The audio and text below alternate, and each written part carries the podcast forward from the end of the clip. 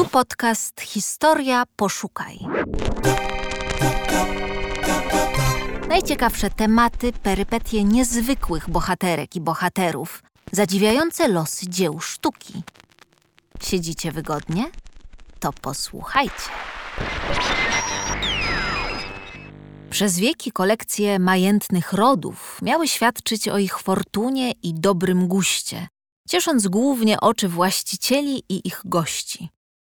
Jako pierwsza z tą tradycją zerwała Izabela Czartoryska, która w 1801 roku otworzyła Polskie Muzeum Historyczne.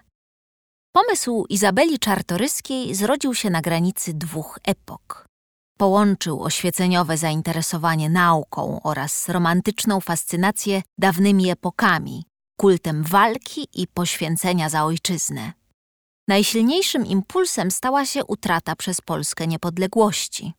W Puławach miały się znaleźć przedmioty świadczące o potędze dawnej Rzeczypospolitej oraz czynach wybitnych Polaków, od broni przez zdobycze wojenne po cenne naczynia czy stroje. Klasycystyczny budynek zaprojektował ceniony architekt Christian Piotr Enie. Wzorował się na starożytnej świątyni Westy w Tivoli pod Rzymem. Nawet wzniesienie budowli nad Skarpą Wiślaną w głębi przypałacowego parku nawiązywało do malowniczej lokalizacji oryginału. Czartoryska zadbała o każdy detal, szukając odpowiedniego wyrazu dla swojej wizji. Na przykład na zdobionym kluczu do puławskiej świątyni Sybilii umieszczono po grecku napis Otwieram świątynię pamięci, a nad wejściem motto Przeszłość przyszłości.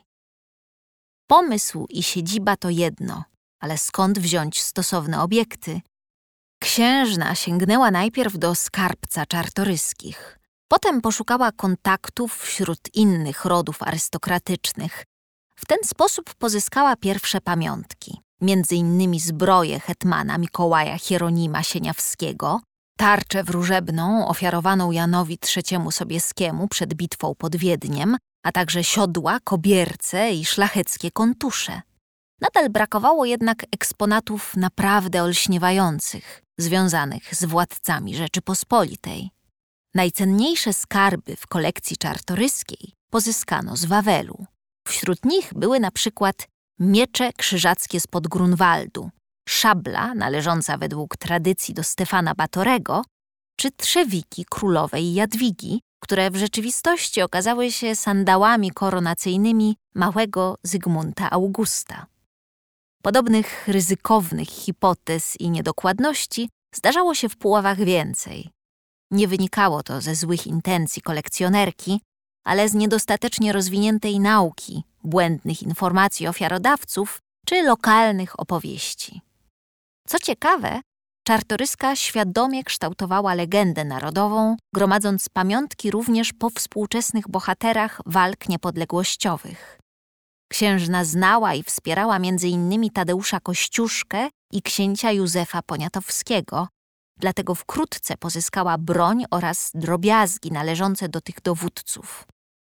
Kolekcjonerka trafnie widziała w tych przedmiotach świadectwa mijającej historii. Puławy szybko wyrosły na centrum ruchu patriotycznego i kulturalnego, a Polacy, a nawet całe miasta, sami przekazywali cenne obiekty do świątyni Sybilii. Kto pomógł zdobyć najcenniejsze skarby do kolekcji czartoryskiej? I czy to było zupełnie legalne?